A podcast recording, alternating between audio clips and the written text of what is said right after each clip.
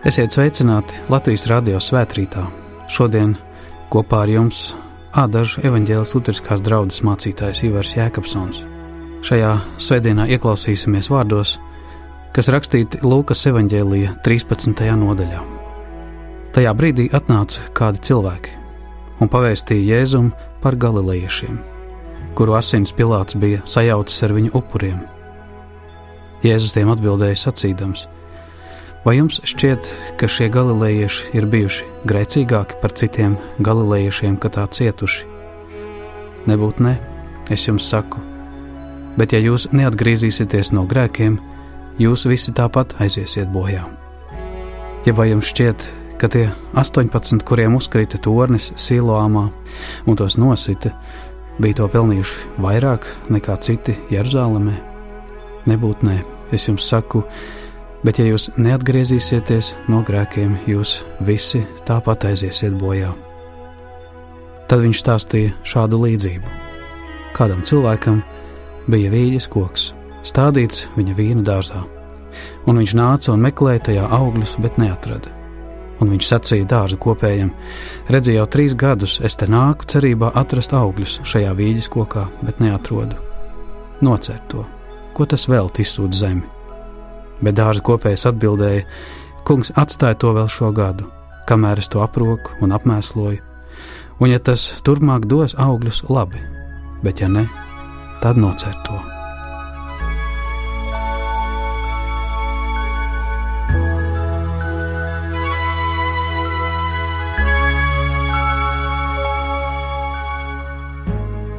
Mēs lūdzam tevi, Kungs, svētī mūs šī evaņģēlīja vārdā vārdos, ko Jēzus sacīja, vārdos, kuros ir tava gaisma, tava patiesība. To lūdzam Jēzus vārdā. Āmen!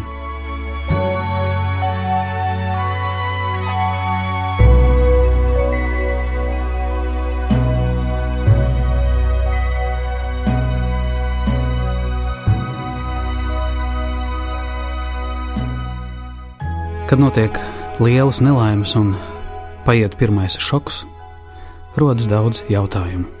Kāpēc un par ko? Kur lai raugos, kur meklēju gaismu, kur atrast atbildes, kur būs kāds palīgs taisnība nelaimē. Tā arī toreiz atnāca kādi ļaudis un jautāja: Jēzu, ko tu par to saki? Kas debesīm sakāms par mūsu tautas ciešanām? Par kādiem grēkiem sabruka tornis un aizgāja bojā cilvēki?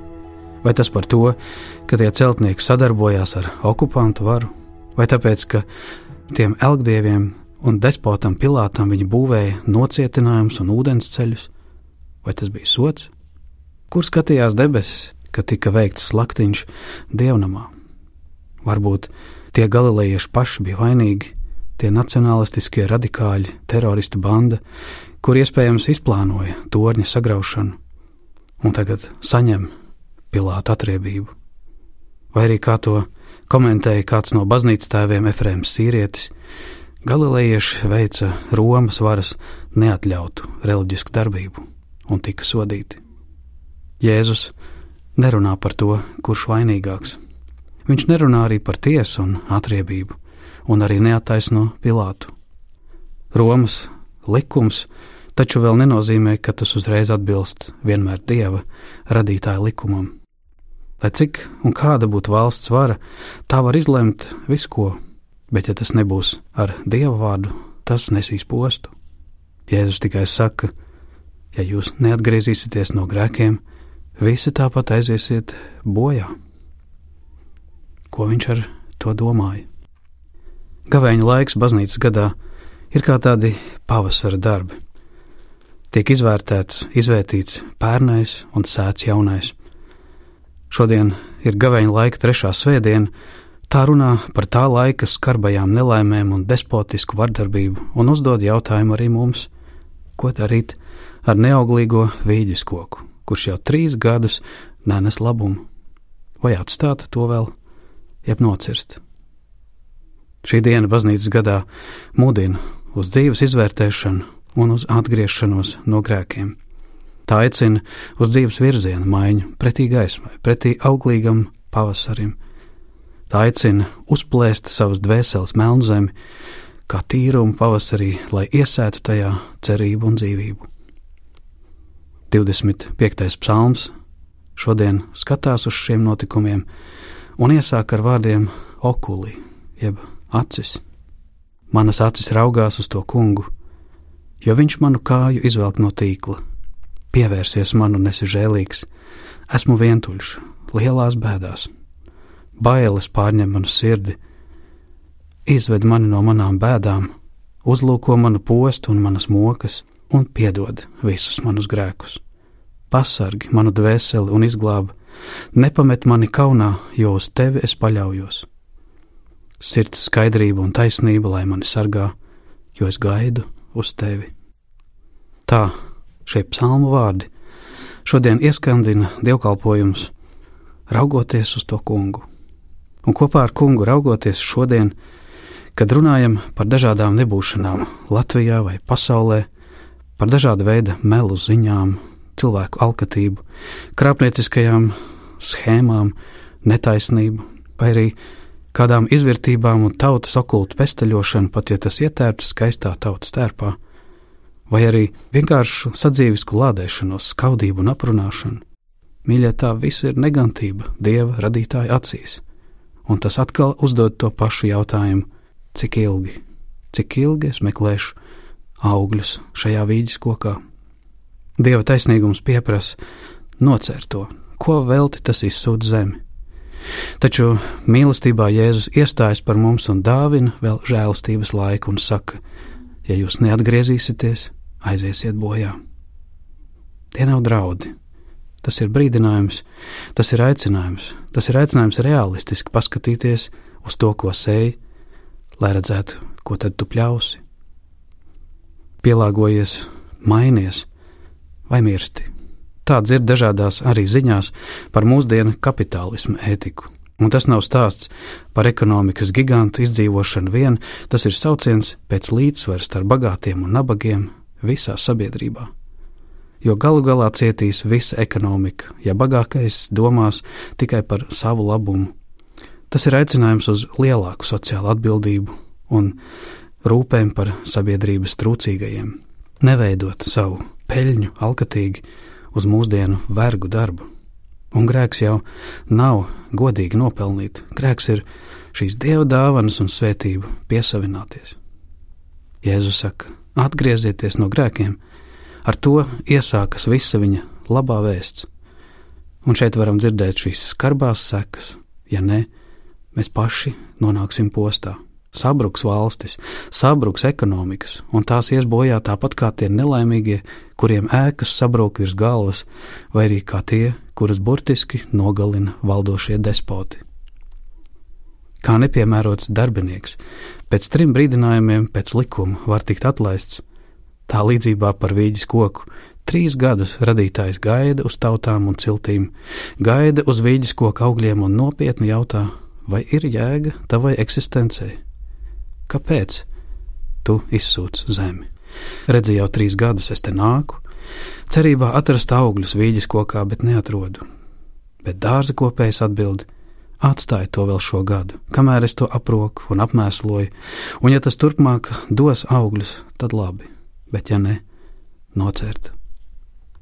Vīģes koka simbols Bībelē ir visa kritusī cilvēce, kura baudījusi labumus kopš paradīzes laikiem Grēka dēļ samaitāta, tā nenes vairs augļus. Tā var būt arī kāda korumpēta jūdu, sinagoga vai pat baznīcas laikmets. Tādēļ attīrīšanās un atjaunošanās vajadzīgi ne tikai tiem tur, tur ārā, bet vispirms mums katram pašam. Trīs gadi, trīs laika posmi, kad kungs nāca un meklēja augļus pie savējiem, pie visas pasaules, ko mīl un ko ir radījis ar Ābrahāmu patriarhu laikos, ar mūzu bauslības un praviešu laikos, un ar Kristu un apstuļiem evaņģēlīja kalpošanā. Jā, šie trīs gadi ir arī līdzīgi Kristus kalpošanas gadiem. Jēzus kā vīna dārza kopējs tagad iestājas par mums un uzņemas mūsu vietā nāvi, lai varētu nākt svētais gars, kas darītu mūsu ticības dzīvi atjaunot, stipru un auglīgu. Tādēļ tagad ir ceturtais gads, svētā gara augļu laiks, pēc kura nāks pastarā tiesa. Kas nenesīs augļus, tas ies bojā, bet auglīgais paliks mūžīgai dzīvībai. Jāņa evaņģēlīs saka, Dievs sūtīja pasaulē dēlu, nevis lai tas pasauli tiesātu, bet lai pasaule caur viņu tiktu glābta. Kas tic, tas netiek tiesāts, bet kas netic viņam, jau ir notiesāts, jo tas nav ticējis Dieva vienpiedzimušā dēla vārdam. Jā, mēs visi esam grēcīgi cilvēki. Godīgi izvērtējot savu sirdsapziņu pēc dieva mēroklām, mēs to tūlīt pamanīsim un visi arī esam mirstīgi, un nezinām, kad būs mūsu stunda. Taču jautājums, kā tu izmantosi savus dzīves laiku, kā tu skatīsies mūžībai. Tieši tāpēc aicinājums ir negaidīt uz kaut kad, jo dzīve, kurā nav izkopti tikumi, nāve, bez atgriešanās no grēkiem, ir pazudinoša. Pat ja tu saldi un glīti iemiedz mūža miegā savos baltajos pēļos, sirdsapziņā paliks nemieris un Dieva priekšā atklāsies apslēptā grēcīgā daba. Vieglāk savu grēcīgumu ir atzīt ciešanu apņemtam ļaundarim, jo tas sāpīgi pļauj, ko pats sējis, viss ir kā uz dēlnas. Bet gandrīz neiespējami ir tādam, kuram sirdsapziņa iemigusi paštaisnā lepnībā.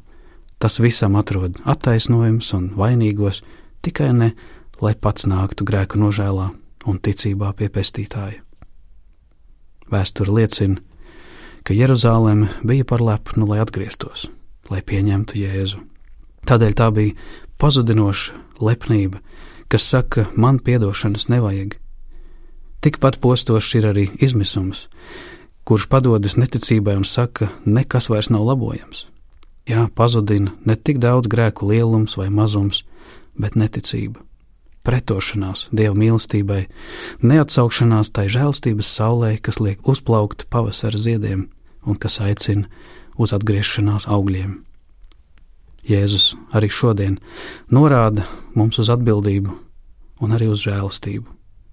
Priekos tas mums neļaus zaudēt galvu, bet bēdās vienmēr pacels. Kā auglīgs vīģa koks, tas nesīs saldus augļus dažādos laikos, laikā un arī mūžībā. Jautājums mums paliek. Ko darīsim ar šiem Jēzus vārdiem, kad viņš tik skarbi saka un pievēršas mums katram personīgi, ja neatgriezīsieties, tāpat iesiet bojā? Kungs vēl aizvien saka, atstāj vēl šo gadu, kamēr aproku un apmēsloju. Baudīsim, vēl ir žēlastība. Kādi tad ir tavi augļi šajā žēlastībā? Kur tev vēl šajā gadā jāpaspēj izaugt. Kā tu izmantosi savas dzīves laiku, vai tava vīģa, ja varbūt tava ābele šogad uzziedēs, lai rudenī atnestu labus augļus.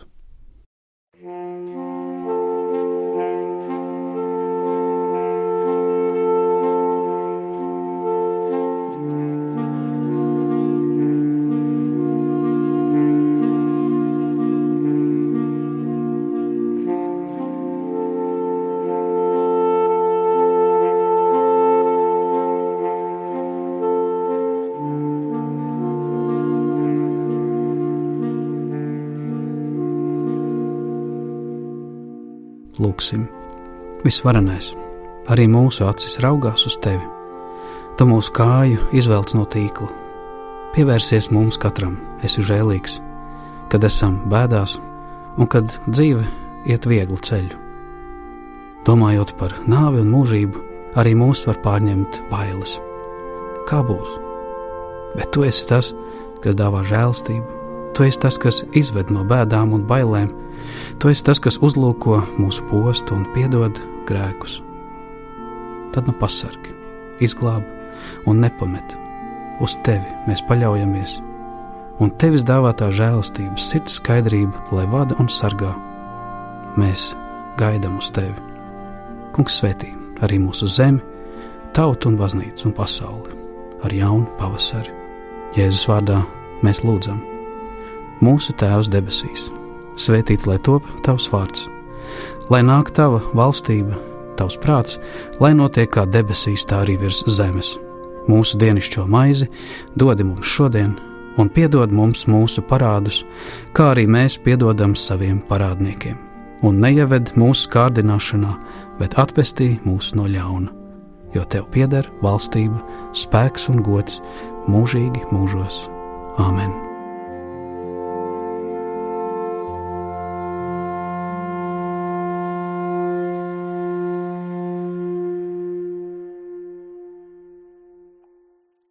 Ar jums studijā bija mācītājs Ivars Jēkabsons.